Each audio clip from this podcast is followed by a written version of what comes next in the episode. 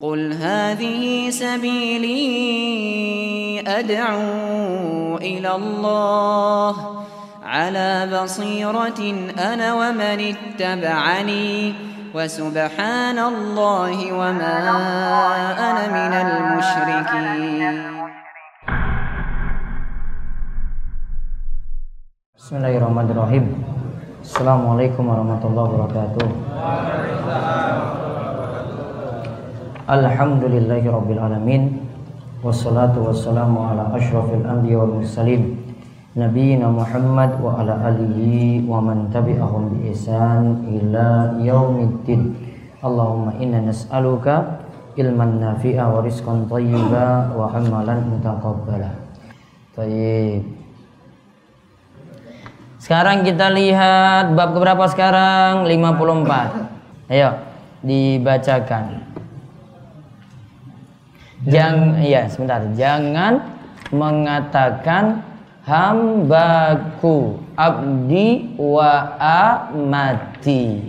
Abdi wa amati itu bahasa Arab ya. Yang artinya hambaku atau budakku.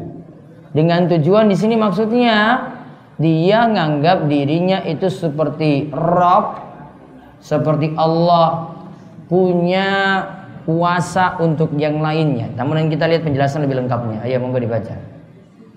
Jangan mengatakan hambaku, abdi atau amati. Diriwayatkan dalam Sahih Bukhari dan Muslim dari Abu Hurairah radhiyallahu anhu bahwa Rasulullah shallallahu alaihi wasallam bersabda, Janganlah seseorang di antara kalian mengucapkan kepada saya, siapkan makan untuk Rob kami atau gustimu dan ambilkan air wudhu untuk Rob kamu atau gustimu tetapi ucapkanlah sayyidi atau tuanku dan maulaya atau tuanku. Jangan pula mengucapkan abdi, hambaku laki-laki dan amati, hambaku perempuan. Akan tetapi ucapkanlah fataya, fatati atau bulan. Taib la yakul ahadukum at'im rabbaka. Jangan boleh ada yang mengatakan siapkan makan untuk Robmu, Gustimu, Waddi rabbaka Ambilkan air wudhu untuk Rabbmu. Gak boleh.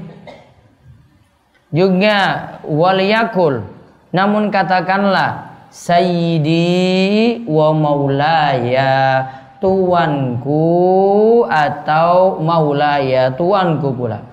Walayakul abdi wa amati. Jangan pula memanggil bawahannya Eh budakku atau hambaku laki-laki, amati hambaku perempuan. Tetapi ucapkanlah fataya, fatati, gulami. Maksudnya di sini gulami itu memanggil seperti panggilan anak, berarti anakku gitu. Nah, pembahasan ini diberi catatan singkat. Kalimat ini tidak boleh Kalimat ini tidak boleh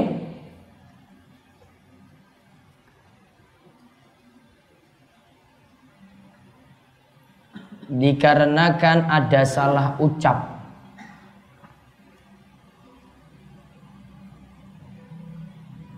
Dikarenakan ada salah ucap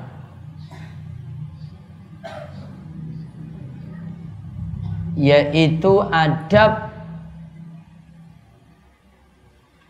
yang tidak baik. Adab yang tidak baik. Dengan menganggap dirinya sebagai Rob.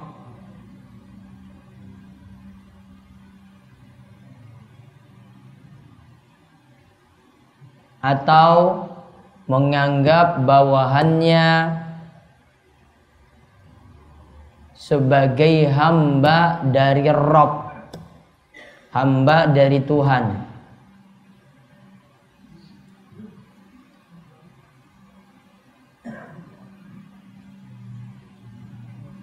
Hamba dari Tuhan. Tuhan. Hal ini dapat mengantarkan kepada kesyirikan Jadi kita kita tidak hukumi syirik langsung, ya. Karena ini salah ucap, namun mengantarkan kepada kesyirikan. Lihat kandungan bab.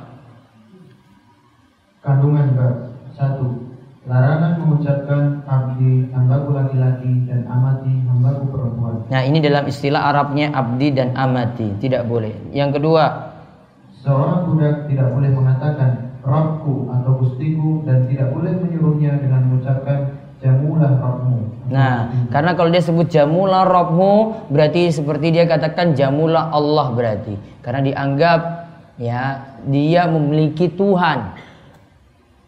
Tidak pas itu lafaznya. Terus yang ketiga, Pengajaran Rasulullah SAW terhadap sang tuan untuk memanggil budak dengan fataya, fatati atau gulami. fataya, fatati atau gulami. Kita ganti dengan kalimat seperti itu seperti diajarkan Rasul Shallallahu alaihi wasallam. Yang keempat, Pengajaran Rasulullah SAW terhadap budak untuk memanggil tuannya dengan sayyidi dan maulaya. nah diganti dengan sayyid, artinya tuanku, maulaya tuanku pula. Yang kelima, Maksud hal tersebut adalah untuk merealisasikan tauhid meskipun dalam hal pengucapan. Lihat, dalam hal ucap berarti kita ini jaga baik-baik demi menyempurnakan tau tauhid. Ucapan perlu dijaga. Sebagaimana kemarin ada ajaran batin juga perlu dijaga. Baik, kita cukupkan dulu. Kita tutup kalian dua kafaratul majlis. Subhanakallahumma bihamdika asyhadu an la ilaha illa anta astaghfiruka wa atubu ilaik. Assalamualaikum warahmatullahi wabarakatuh.